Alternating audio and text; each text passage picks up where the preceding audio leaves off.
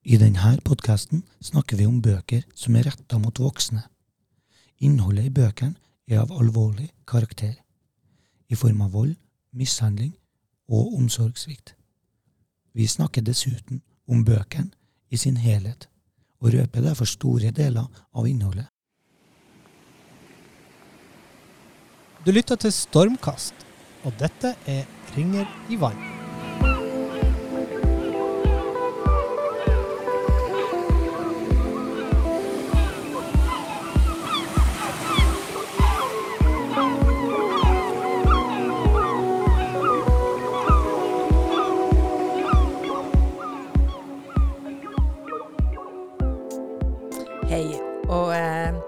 Dag skal vi jo snakke om 'Gjedrone til bror' av Karin Smirnov. Og vi som er her i studio, er meg, Solgunn.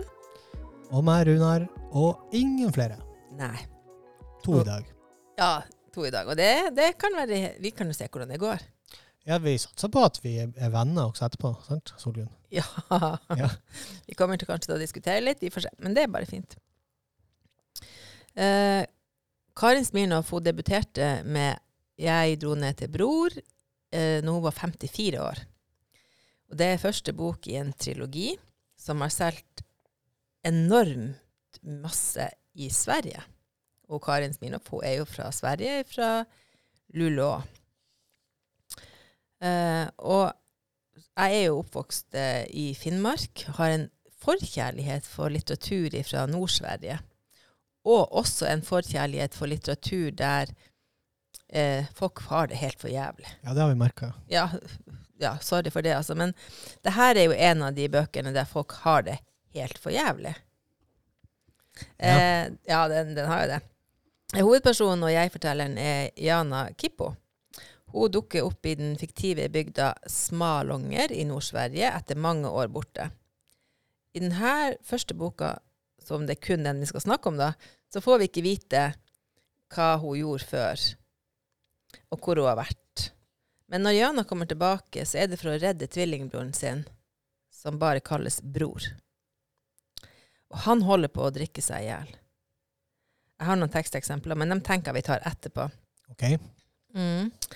Uh, den boka her Vi kommer altså ganske raskt inn på en uh, verden der Jana og broren har hatt det så jævlig med en far som er så grusom, og en mor som også er ganske grusom, på sin måte, da, selv om hun ikke gjør noe, verken fysisk eller psykisk. En sadistisk og incestuøs overgriper av en far og en veldig passiv mor. Sant? Ja, det er akkurat sånn det er. Og der eh, Altså, jeg er jo jeg er ikke like sint på mora som på faren, men jeg føler jo at mora er en medovergriper, og det Ja. Eh, og Jana har prøvd å drepe faren med høygaffel da hun var 13 år. Hun lyktes ikke, men hver gang hun tenker på faren, er det med 'må du hvile i ufred'.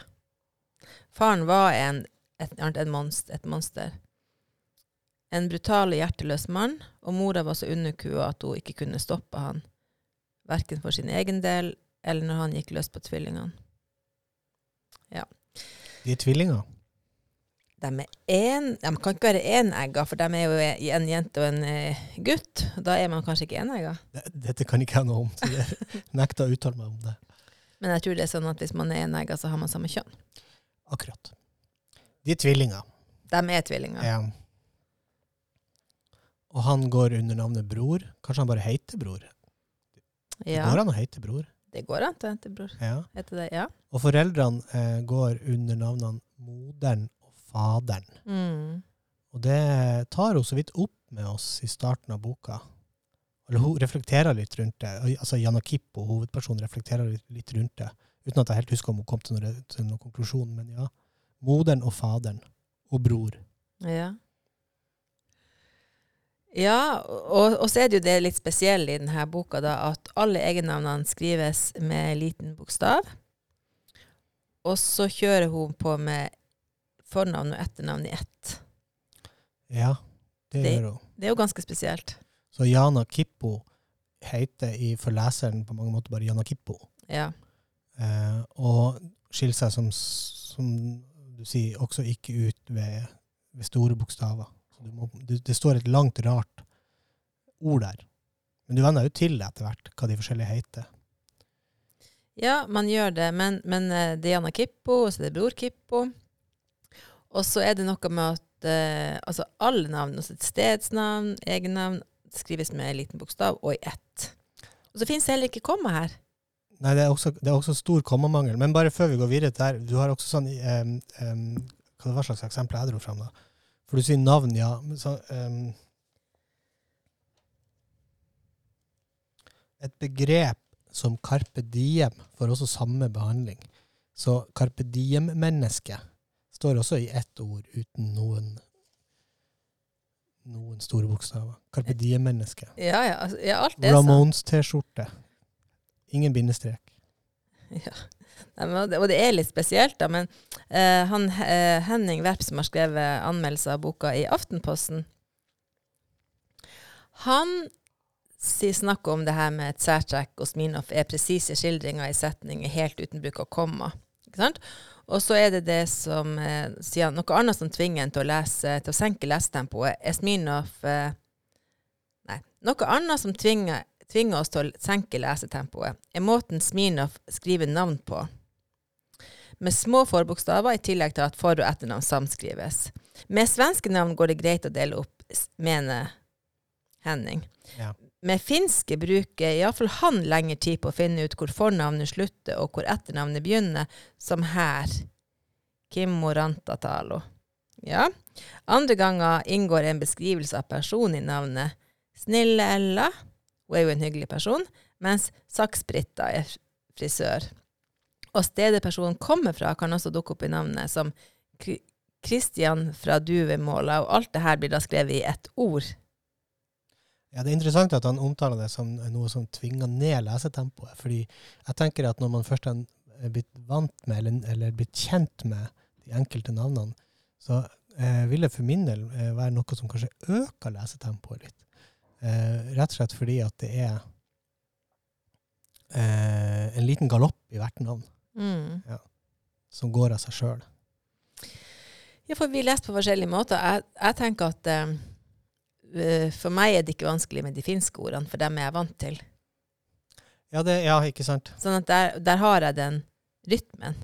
På, altså den, de finske ordene, vi har, dem, vi har masse finske navn i Finnmark, og vi, jeg kjenner dem igjen. Jeg, jeg kopierer dem, tar bare bilde av dem i hodet mitt, så vet jeg hvordan det her hvordan det skal leses.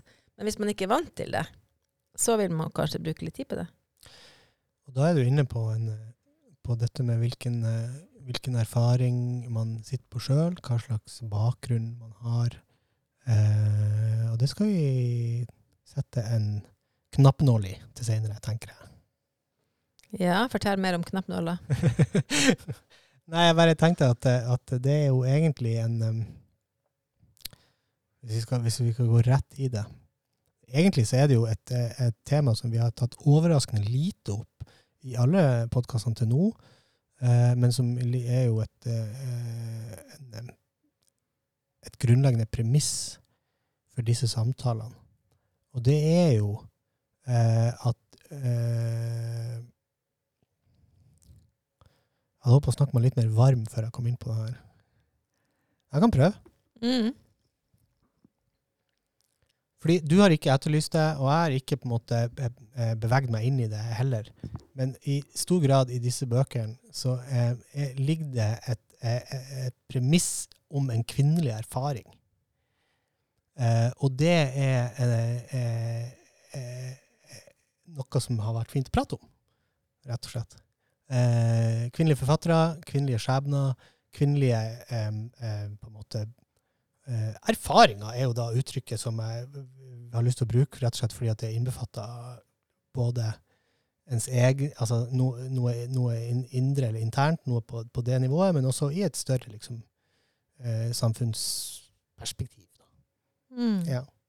Eh, og i denne boka her har jeg kanskje ekstra lyst til å ta det fram, fordi at Karin Smirnov i så stor grad, og mye mer enn vi har vært borti til nå, Solgunn, tegner opp en svær verden. Hun skisserer opp en, et, et, et, eh, masse karakterer i en bygd, i en eh, landsdel, i en kulturell setting, i en historisk setting osv. Som, eh, som, eh, som gjør det vanskeligere å uh, generalisere. Eller nei, kanskje det er feil ord. Ja, som, I hvert fall som, som, uh, som spesifiserer i større grad hva slags skjebne det er snakk om. da. Ja, altså Det er kvinnelig perspektiv. Altså, det er jo sånn at uh, vi, vi kommer faktisk bare til å ha én bok med Altså Sugar bein skal vi ha med, skal Ja. vi snakke om Ja. litt senere. Ja. Med en uh, mannlig forfatter og en ung gutt som har mange av de samme erfaringene som mange av de hovedpersonene i de her bøkene, de andre bøkene vi har snakket om. Ja. Alkoholiserte foreldre, uh, utenforskap, overgrep. eh, et samfunn som ikke helt klarer å, å løfte dem, eller å se de ungdommene, eller å hjelpe dem. Da. Ja. Så det er nok rett eh, at vi har ikke snakka så mye om det, men Men det er også altså det er jo de aller fleste bøkene, iallfall som kommer på norsk, og som handler om det her, det har jo en kvinnelig forfatter. Og det har jo kvinnelige Eller ja, absolutt. så det, Og det er jo fordi at det er også det dem som er mest utsatt for overgrep. Absolutt. Og det som Nei, altså det, det er bare sånn, og da Og da er det fint da er Det liksom så kjempefint å få løfta det frem, da, sånn at man kan ha det fremme i hjernebarken sin når man møter de her ungdommene som ganske tydelig er ute å kjøre, Ja. eller ikke er ute å kjøre, men at man allikevel kan ha det i hodet sitt. At Ja. du vet så kje- kjempelite om hva som egentlig foregår bak eh, de her eh, lukka dørene til folk, og inn i hodet til den jenta som spytter på deg og kaller deg for ei jævla hora. Det, altså Ja, det går an å, å møte henne på en annen måte hvis du vet at Eller hvis du tenker at det, det her er ikke en bortskjemt skitunge som eh, Nei, det kommer ikke til å si. Men det, nei, det, det handler altså For meg det er en sånn grunnleggende greie, det her med at vi eh, vil, At jeg tror at vi lærer noe av, av hverandre på en helt sånn unik måte i skjønnlitteraturen. For vi blir bevega av det som skjer, og vi bærer de erfaringene med oss på en annen måte enn den sakprosaen som ikke berører. For det er jo det kunsten klarer på en helt spesiell måte. Ja. Eh, eh, De siste bøkene, i hvert fall de par siste gang, eh, eh, sessionene som vi har hatt her i studio, så har vi på en måte hatt ting som jeg i hvert fall oppfatter som mye, mye lettere å forstå som noe allment. Og, og det er derfor jeg tar det opp nå. ikke sant? At, eh, at i, i denne runden her så er det helt tydelig eh, en ja, altså Bare i Tvillingenes dag, dagbok så velger hun å gjøre sin egen kvinnelige erfaring om til to gutter. Mm. Og, og i boka før, som jo jeg snakka altfor masse om, eh, altså Stargate, så, så, eh, så, eh, så er jo hele, hele formen eh, innafor en, altså, en, en, en lek med noe allment, noe kjent, Mm. synes, mener jeg da. Um, mens her så kreves det på et eller annet vis eh, Jeg opplever at det kreves noe annet enn min erfaring for å faktisk eh, forstå eh, hele hjemme, hjemmehjelpkontoret, og for å forstå hele hennes historie. Og, og, og, og for å forstå Diana, og for å forstå fostermora, eller Mm. adoptivmora til Diana, og for å forstå um, altså alle de på en måte de, de forskjellige Jeg kan forholde meg til Jeg kan forsøksvis forholde meg til Jon, eh, eh, fordi at han er den ene som på en måte får lov å tre fram her. Mye mer enn bror, og, hvert, og, og, og for så vidt andre eh, mannlige karakterer her også. Men, men, eh, men, men, em, men det betyr ikke at det ikke er altså, er, gyldige eller man skal, virkningsfulle lesninger for meg. For det er det også uansett.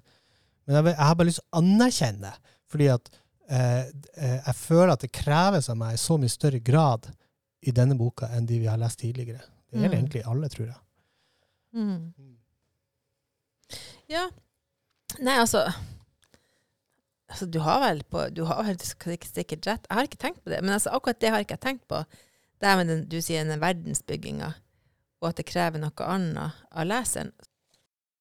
Eh, men jeg har lyst til å lese et teksteksempel fra akkurat når hun, eh, Jana Kippo er kommet til eh, hjem til Smalonger. Og hun skal jo redde broren, ikke sant? Helt i starten av boka, altså. helt i starten av boka. Ja. Eh, og Jana er kommet hjem og jeg driver og kaster ut enorme mengder søppel og skrot, og nå er det tid for å vaske. Og her begynner vi, da. Det sies at alle mennesker er gode til noe. Jeg nøt å se det åremønstra såpegulvet tre frem, og limfargen på brystpanelet lyse igjen. Lyse igjen. Nøt at kokende vann løste opp mat, fett, oppkast og andre substanser som hadde fått ligge igjen som en hard skorpe på fliser og benker i kjøleskap og i det store spiskammerset. Jeg nøt til og med å se den snurrende vaskemaskinen løse opp måneder, kanskje år av skitt på sengetøy, gardiner, tepper og klær, og til slutt å få henge dem opp i tørkeskapet. Jeg skulle vaske bort angsten til broren min akkurat sånn jeg vasker bort min egen. Det var som å spille Tetris. Bitene falt på plass og skubba, skubba bort alle tilløp til andre tanker. Bror satt i kjøkkensofaen og så likegyldig på. Av og til tok han en slurk øl. Da flaska var tom, gikk han til spiskammerset og henta en til. Kanskje jeg hadde kommet for seint. Sånn, hun er jo ganske sånn direkte i språket. Hun snakker jo om angsten og sin angst og bror sin angst. Og Men til å begynne med vet vi jo ikke hva som har skjedd. Nei, og det, og det syns jeg boka gjør veldig godt. At den, eh, at den holder oss litt på pinebenken i forhold til at vi Det er lett å forstå at her er det eh, harde kår, og at det ligger masse bakom, men vi aner ikke hva, og vi aner ikke graden av det. Eh, og det er jo det boka, på en måte, når den kommer dit, viser det, så viser det seg at det her er mye drøyere, mye verre enn den ganske lettbeinte tonen hennes. Og, eller i Mm. hvert fall Karin Smirnov sin litt sånn lettbeinte tone eh, eh, peker mot. da. Ja, Ja. det er helt sant. Og så er det noe med uh, Den første gangen jeg liksom kjente at oi, det her blir jo grusomt, det er jo når Arnt, blir jo når, Den første dagen hun kommer hjem, så treffer hun jo på han Jon, som er naboen, som hun kommenterer på. Eh, hun ser hvem det er, men det er ikke noen hun kjenner. Hun sier det liksom i første gang hun ser han i snøstormen, at eh, da han trakk vekk hetta, så så jeg hvem det var, men det var ingen jeg kjenner. Så blir hun med han hjem. Og så eh, det, Ja, så kommer hun, ferdig, kommer tilbake til han flere ganger. Og så har hun overnatta hos han, og de har hatt sex. Og så står hun opp på eh, Og han er maler, kunstmaler. Og så står hun opp midt på natta for å gå og se på bildene hans som han har sagt at hun ikke må se på. Han vil ikke at hun skal se før, før, hun før de er ferdige. Men hun klarer ikke å styre seg, la oss si det på den måten. Hun går inn i den stua der eh, han har alle bildene, og så ser hun et bilde som gjør at hun blir så forbausa at eh, Altså, hun liksom Hun lager en lyd. For det bildet Vi, vi får ikke vite hva det bildet er.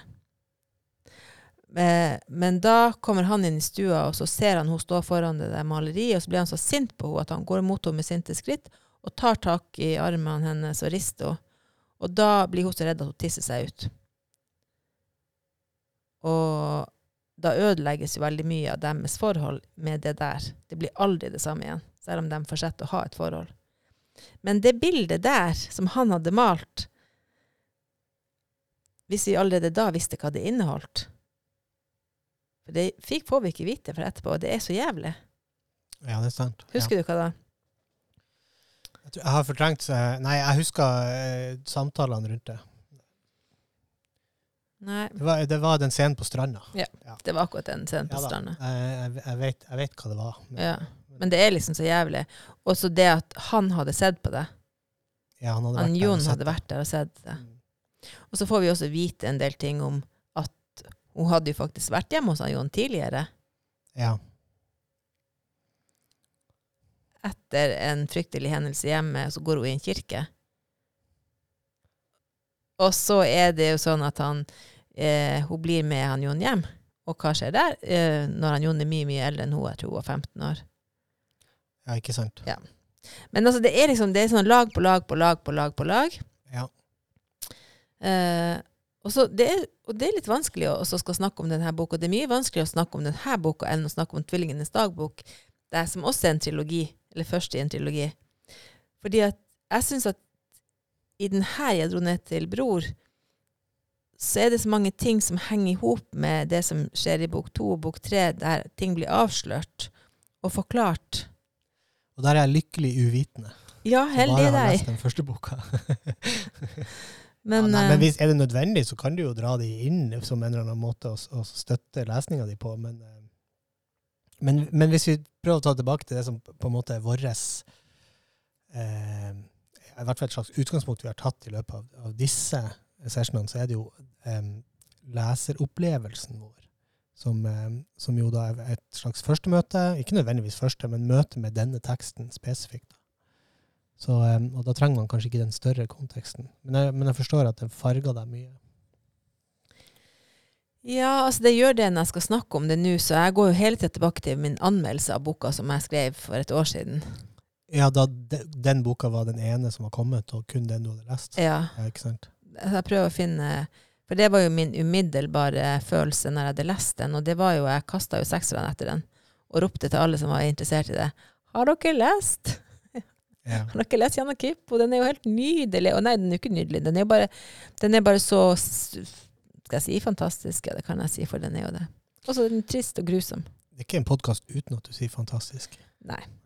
Kanskje skal vi, skal vi døpe den om fra Stormkast til Fantastico? Fantast. Fantast. Nei. Fantast. Nei, men kan, vi kan si litt mer om boka, da. bare sånn at vi, gjør det. gjør det. Ja. Hjemmetjenesten i Smålanger eh, de trengte vikarer. Og hun, Jana hun bestemte seg for å bli der, fordi hun så jo at bror trengte hjelp. Pluss at hun var ganske opptatt av han Jon nabo, på nabogården. Han trakk eh, hun ganske godt, altså. Eh, så hun får jobb der og blir kjørende rundt i den eh, lille bygda for å stelle syke og døende mennesker, som stadig vekk minner hun på hvem hun var, og hvem faren var. Og eh, han Jon som bor alene i et hus uten strøm, og som har veldig mange indre demoner å kjempe, blir jo en trekkraft for henne. Han er den harde, hårete, ruglete mannen som er blitt beskyldt for å drepe Maria. Og Maria var jo søstera til hun, Jana, men hun visste ikke at hun hadde ei søster. Jana prøver å holde seg borte fra Jon, men hun trekkes allikevel til han hele tida. Eh, og de her litterære grepene som eh, med at det ikke finnes en komma, og at egennavnet er skrevet med en liten forbokstav, det jeg syns det gir en ekstra piff til hele, til hele boka. Og så er det det at dialogene er på dialekt. Og så den følelsen jeg satt igjen med når jeg hadde lest den, det var det at denne boka kommer jeg aldri til å glemme. Um, jeg håper at mange leser den. Og så syns jeg at hun, eh, Jana Kippo hun fremstår som en blanding av Lisbeth Salander og Skyggebein. Knallhard, sårbar og skadeskutt, men likevel full av livs, livslyst og begjær. Uh, ja, det er det jeg tenker litt på. Og så viser det seg jo da at uh, Karin Smirnov skulle skrive de tre neste bøkene i serien om Lisbeth Salander. Ja. Hun fikk den oppgaven etterpå. Ja. Ja, eh, mitt eh, adjektiv for både Jana Kippo og Karin Smirnov her er egenrådig. Ja. Ja, og det er fordi at eh, det, er no, det er også en, en måte å Altså, man kan grave mye i, i, i, i måten hun velger å, å forholde seg til både tegnsetting og store bokstaver og sånne ting, og egennavn. Eh, men det har mye feeling av at her er det mye liksom insistering og, em, og, eh, og trass. Nei, kanskje ikke trass. Trass er litt sånn Jeg mener trass på en veldig fin måte, da. Ja.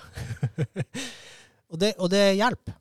Eh, fordi det hjelper også på å kanskje overbevise litt om Anna Kippo sitt prosjekt, når hun først er kommet hjem, når hun først har tatt seg jobb i hjemmetjenesten, når hun først har eh, bestemt seg for å, eh, for å eh, på en måte være med Jon. Eh, og selvfølgelig jobbe med bror sin, som jo er liksom hele prosjektet, og, Mm. og, og kan man si, redde han. Um, da, da, da trengs det mye egenrådighet.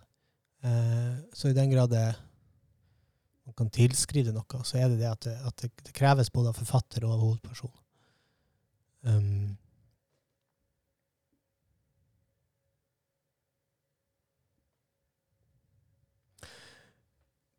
Premisset for boka er jo en velkjent fortelling også. Ja. Eh, returen hjem til oppveksten, til stedet der du, der du vokser opp. Um, spørsmål omkring hvem man er i forhold til hvor man kommer ifra. Eh, og det blir jo også undersøkt blant flere, egentlig, i boka. Og nå tenker jeg mm, Jeg har, lyst, jeg har nemlig litt lyst til å, til å eh, gjøre et, en liten eh, Lese et lite utdrag. Ja. Eh, det finnes helt sikkert flere, men det finnes i hvert fall tre eh, sånne der sit-downs, måltider eller, eller, eller kaffeanledninger, hvor de tar for seg disse tingene. Og da tenker jeg eh, på den som jeg skal lese, som er da Jana Kippo eh, har klart å rote seg langt ute i skogen, ute til koia, der eh, Jon eh, kommer fra. Eh, men så tenker jeg også på møtet med Eller middagen og møtet med eh, dattera Diana og hennes eh, foreldre, altså de som, de som adopterte henne. Og så selvfølgelig den aller siste scenen, når, man, når de henta mor hjem, mor si hjem til jul. Um, og her har jeg da valgt ut Jon sin lille fortelling, litt med tanke på det jeg snakket om i stad også. Hva er det, hva, hvilken type erfaring er det jeg kan relatere til her, uten at det ba- Bare, bare som en ja, en tanke, i hvert fall. Ja, jeg gleder meg. Finne. Hvem bodde her da, spurte jeg. Tatere som meg, sa han. Jeg er født her. Du, sa jeg overrasket. Men dere bodde vel i Eskil-Brandstrøm-huset da du var liten? Jeg kom til dem da jeg var fire. Moren min døde da jeg var tre. Hun døde der, i senga, sa han. Pappa lastet henne på en kjerre og trakk henne ned til kapellet. Det finnes en lengre vei som ikke er like bratt. Noen dager senere tok pappa meg ned til bygda. Før det hadde jeg aldri sett andre mennesker enn foreldrene mine. Det første huset ville ikke ha meg. Sa at de allerede hadde for mange. Jeg kom til dem da jeg var fire. Moren min døde da jeg var tre. Hun døde der i senga, sa han. Pappa lastet henne på ei kjerre og trakk henne ned til kapellet. Det fins en lengre vei som ikke er like bratt. Noen dager senere tok pappa meg ned til bygda. Før det hadde jeg aldri sett andre mennesker enn foreldrene mine. Det første huset ville ikke ha meg, sa at de allerede hadde for mange. Det andre huset var deres. Farfaren din satt på kjøkkenet og spiste. Farmoren din sto ved komfyren og laget mat. De skulle få betalt. Faren min ga dem alt han hadde. Han solgte meg for en slant og vandret videre. Det er ikke lange partiet. Nei, men det forteller jo noe om at det ikke bare Jana og bror som har hatt det jævlig, da. Nei, ikke sant. Han har noen erfaringer, han Jon også. Ja, og det ikke, ikke for det, altså. Vi blir jo kjent med Jon. Han har jo vært på en, en, en eh, skoleinstitusjon for, eh, de, for døve og de med hareskår. Mm. Så det jo Døve og de med hareskår. ja, Ja, du, du hører jo hvordan man har delt inn folk her. ja da, og han, han er jo ganske skadeskutt, det kan vi jo trygt si. Han også. Jeg vil bare nevne at vi har, en, vi har et tvillingpar og, på naboen er en med hareskår. Bare sånn Det er et eller annet Det er ikke så lenge siden vi snakka om noe lignende. Nei, det er jo ca. en uke siden vi snakka om den, de forrige tvillingene som hadde en nabo som, som faktisk het Hareskår. Eller ja Rart. Kan det være sånn at Jana, at uh, Karin Smirnov har vært litt uh, Har eh, lest boka til uh, Agota Kristoff? Det kan være en liten, en liten hilsning bak i litteraturhistorien. Det Kan godt hende. Mm. En liten intertekstuell en. Ja. Nei, men altså, denne boka den er jo helt jævlig. Altså, den, jeg har jo sagt at den er god, og den er jo god, og så er den jo også helt jævlig. Og da er det sånn Vi vet jo om folk som ikke Som vi vet som ikke ville ha likt å lese den. Vi har jo kolleger som, når vi begynner å snakke om de her bøkene, så sier de å ja, mm, seksuelle overgrep, eh, grusom barndom, veldig godt skrevet, man blir veldig berørt. Er ingenting for meg. Ja, det kan jeg egentlig godt forstå. Det er ikke så lenge siden at jeg begynte å åpne meg sjøl for å lese sånne bøker igjen. Så det må, man, må være, man må jo være klar for å ta imot det. Men det må nevnes, denne boka her er jo faktisk en, en, en, en eh, hva 37 år gammel dame som forteller om ting som har skjedd i fortida. Mm. Eh, og, det, eh, og det utgjør en ganske stor forskjell i forhold til eh, nærheten, bokstavelig talt, Ja, det er sant. Ja, til det grusomme. Mm. Du får en distanse. Mm. Uh, og du får en distanse, og du vet at hun har klart seg. Ja, ikke sant? Og at den tonen som, hun gjennom, som, hun, eh, eller som er gjennomgående for hun i boka, eh, viser til, som du sjøl sier, vitalitet og begjær, og at, mm. altså, eller, eller, noe levende, da, for å si det sånn. Ja, altså det, og det er ikke, hun er ikke et offer. Selv om hun er et offer, så er hun ikke Hun ikke, blitt- hun ikke definert seg sjøl eh, som en person Det virker iallfall ikke som at hun definerer seg som en person som er tar hensyn til meg. Jeg, jeg har blitt utsatt for fæle ting. Det blir, hun blir jo litt sånn forundra i møte med, med alle menneskene som skal hele tida skal trekke barndommen og hvem hun var, frem hvem faren var. Ja. Hun har definert seg sjøl på nytt. Og hun, hun, er, hun, er jo, hun tar jo for seg, hun er jo kjempeglad i, i menn og seksuelle aktiviteter. Og det virker jo som at det her syns hun er fint. Hun gjør det på egne premisser, ikke på fordi at noen andre ønsker det. Så hun har jo tatt livet sitt. Hun eier jo livet sitt. ja. Så det, det er jo et sånt perspektiv, da, at det var en helt jævlig barndom, men hun er nå, står nå i det. ja, og mer enn det, hun har liksom tatt, tatt det tilbake. Ja. I hvert fall hvis hun kontrasterer henne med bror sin, Mm. som på ingen måte klarte det. Nei. Og, og da og jeg er bare nødt å si noe om bok to, da. For at, altså, jeg er bare nødt, for at åh, Ja. Han reiser jo De drar jo tilbake til mora sin hjembygd. Det er jo begravelse og da, da, da, da. Ja, for mora dør jo. Og så blir han jo Han blir jo fanga i en slags, slags sånn læstadiansk menighet med en helt grusom pastor som er så slem og fæl. Og han blir jo, for at han trenger et fellesskap og skal gifte seg med ei læstadiansk jente. Ja, det er jo Altså Det er også kjempegod bok. Betyr det at det blir slutt med Angelica? Det kan vi si, ja. Ja. hun er jo en, en, en fin tilstedeværelse helt til slutten av denne boka. Hun har vært med hele veien, men Mm. helt til slutten så spiller hun en, en viktig rolle for bror. Ja. Eh, det, jeg syns det her er litt artig. Altså, min, min eh, eh, bibelkunnskap eller bibelhistorie, eller, eller egentlig innsikt i den verden, er veldig, veldig så som så. Men det er jo litt påfallende at vi har en Angelica her i møte med både faderen og, og, eh, og Maria, ikke minst. Ikke? Maria som er både som Madonnaen, altså. Både liksom eh, mo, alles mor og hore. Mm.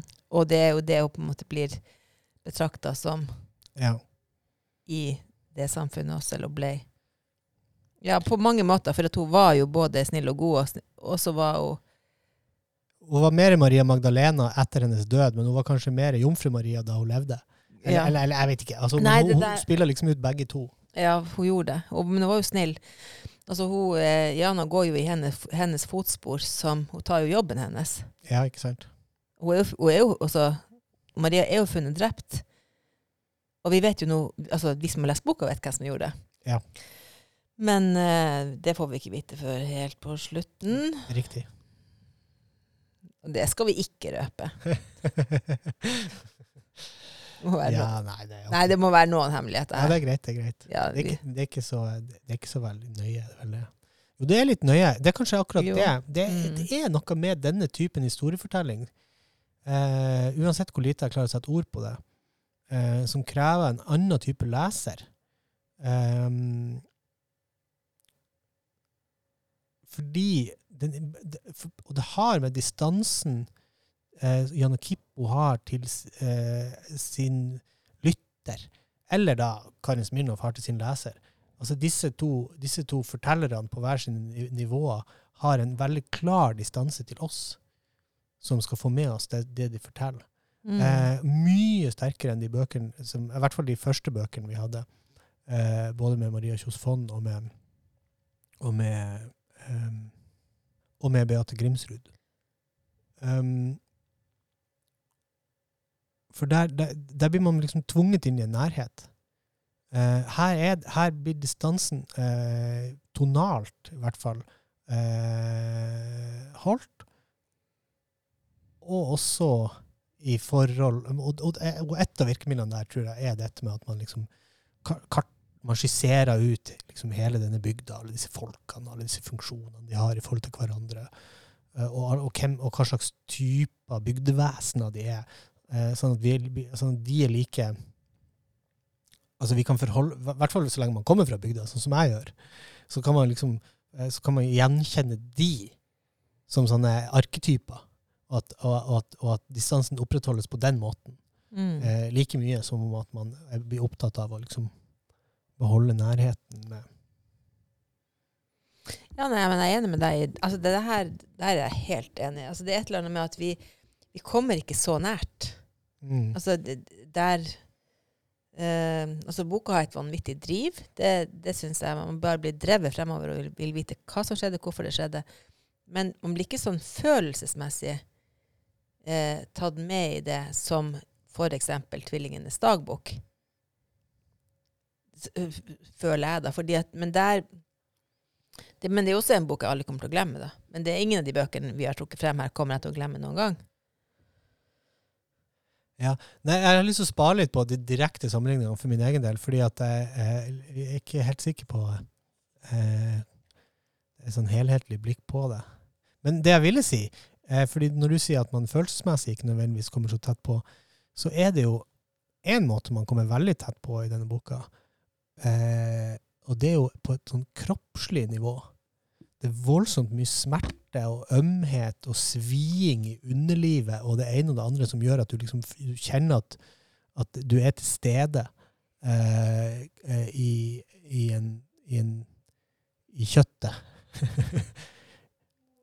Skjønner du? Skjønner hva du mener. Mm. Men jeg er litt Nå, nå er det eh, en stund siden jeg leste boka sånn helt grundig.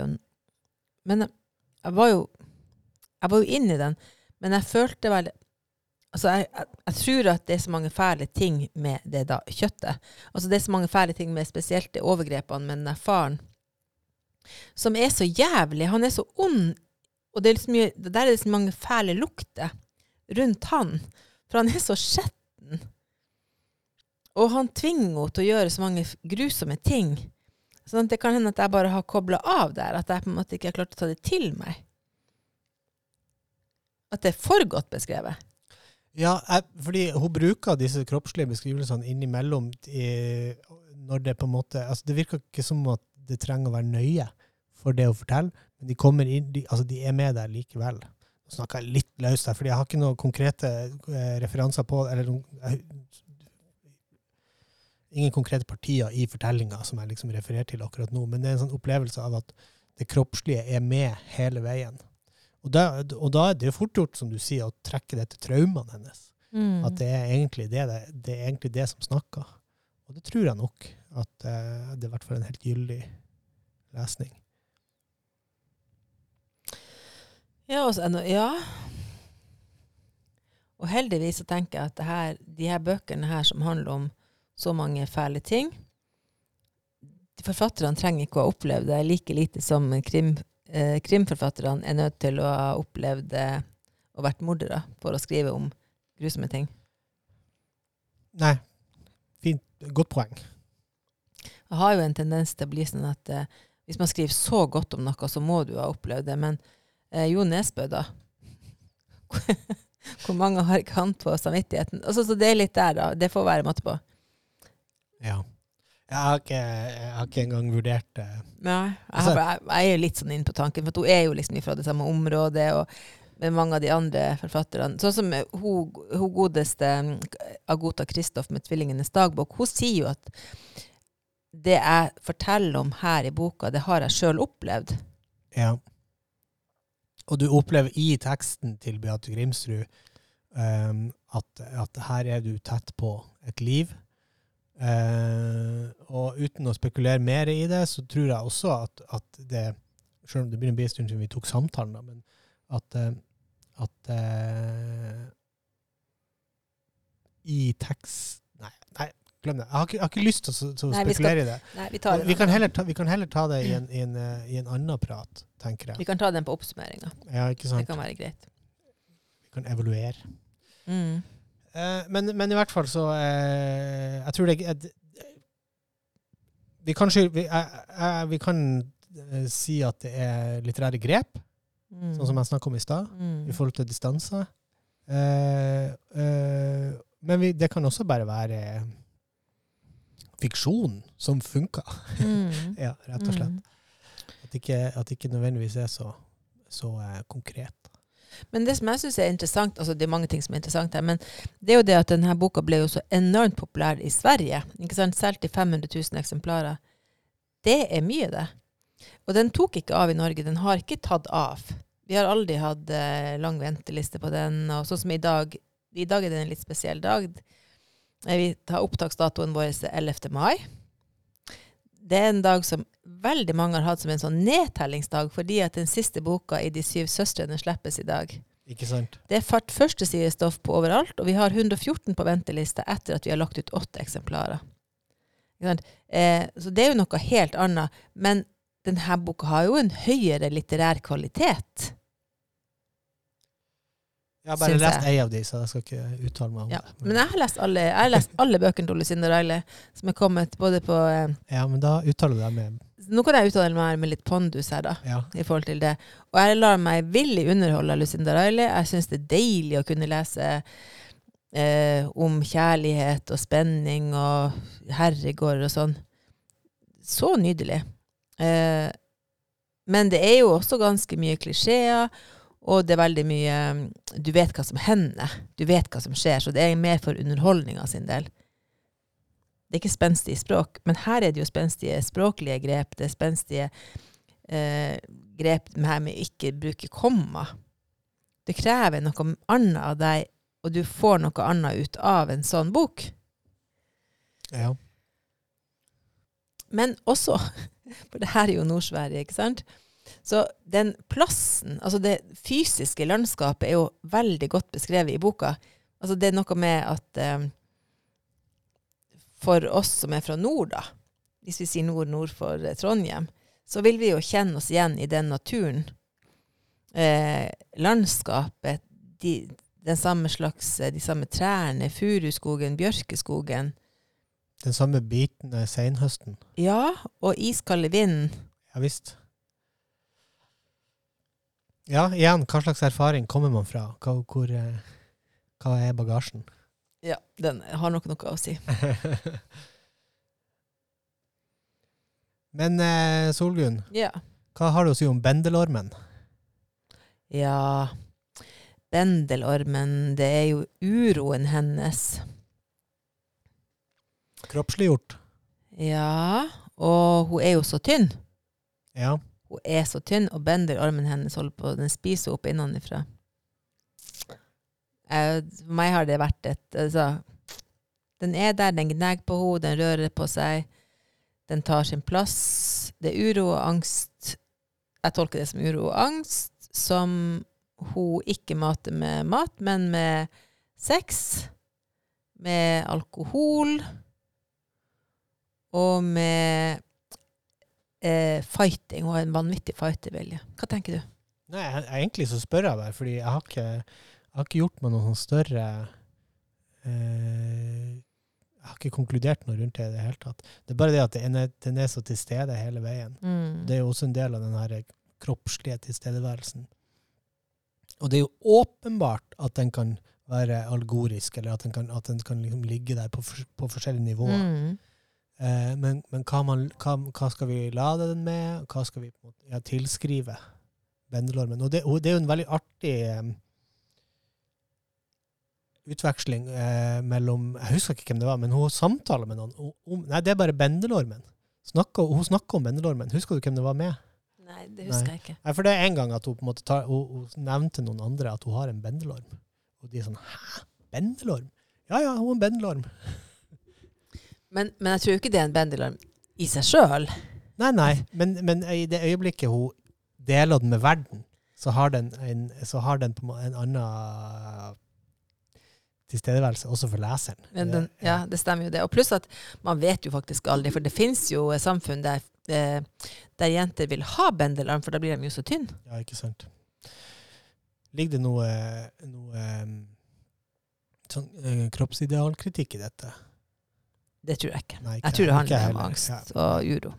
bare i og med at du var inne på dette med at hun var så voldsomt tynn. Sånn. Ja, men hun er, hun er jo det. De beskriver det jo mange ja ganger. At, ja.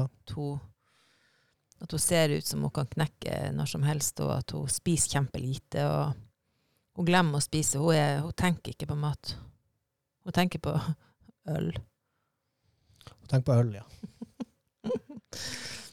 Det er det hun syns kan være ganske fint. Selv om hun ikke er i nærheten av bror sitt eh, drikkemønster, så forsyner hun seg godt av det også. Ja. Så blir hun veldig sjuk. Ja.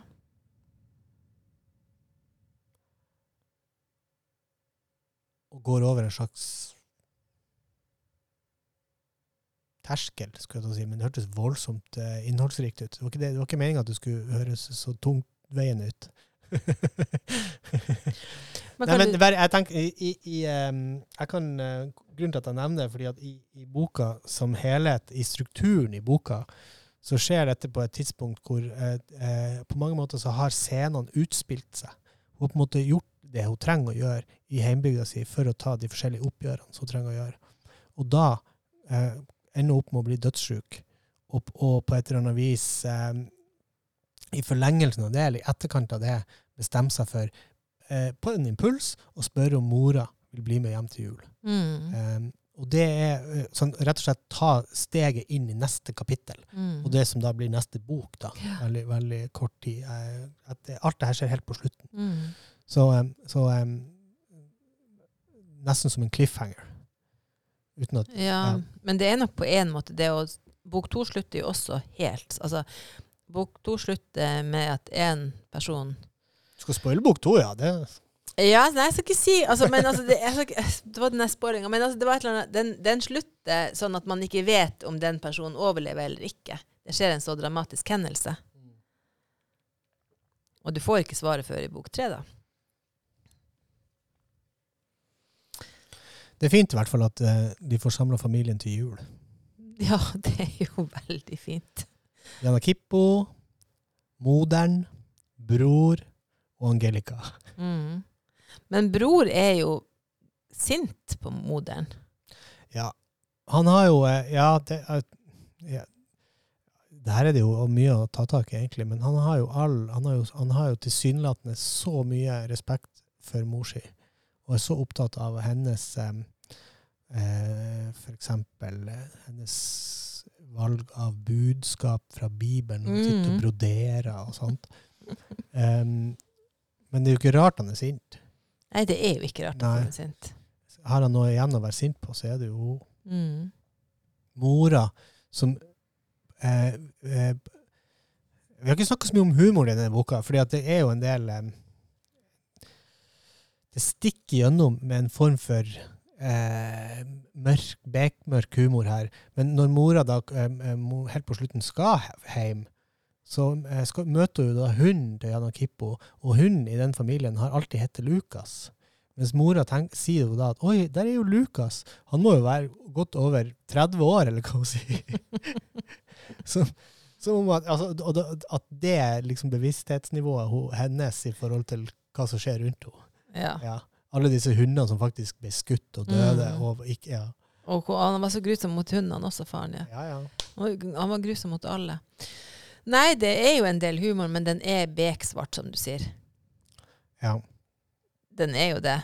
Det, det, det Men den er med og får fram en mor som, er- som så til de grader stenger ute realitetene rundt. Og, og, Ja, altså mor, mor putta jo eh, bevisstheten og jeg vet ikke hva, altså det her med at hun, hun med vilje Hun visste jo vekka ungene på morgenen når de skulle i fjøsen den dagen hun skulle ha fri, ikke sant?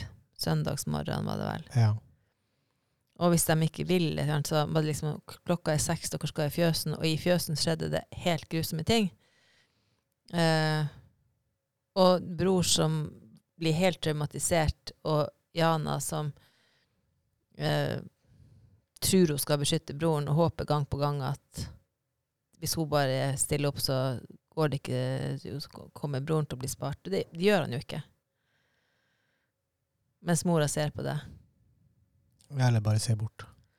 Ja, og de får jo, det kommer jo noen andre og kommenterer til dem at det ikke er så bra hos dere. Og da eh, Eller er det kan- spør det er kanskje ikke så bra hos dere. Har dere behov for noe? Et eller annet sånn, Og da er det liksom Vi har det fint, og det er ingen som skal komme her og blande seg i vår familie.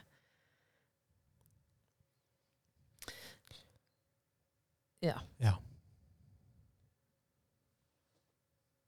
Nei, altså, jeg, men jeg tenker, hvis man er interessert i en, i en, uh, i en bok om uh, En velskrevet bok om sterke personligheter, kunstnerliv eh, Interessert i sinn, menneskesinnet på litt forskjellige nyanser, kan man jo kanskje si, så er jo det her en bok som vil passe godt.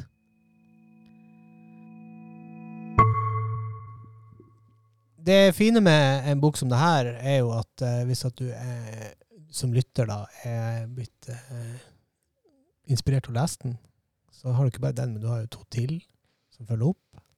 Eh, hvis du som lytter som allerede har lest den, eh, tenker at hm, det her var jo eh, Det her må jeg fortsette å lese på, så er det enda to til, videre. Um, Ja, pluss at vi har alle de andre gode bøkene i vår serie, ti bøker eh, som er ringer i vann. bøttevis. Ja, ja. Vi har ikke fått presentert alle, men det skal vi snart, så om en ukes tid så får du høre oss igjen med en ny bok. En ny bok. Ha det! Ha det bra.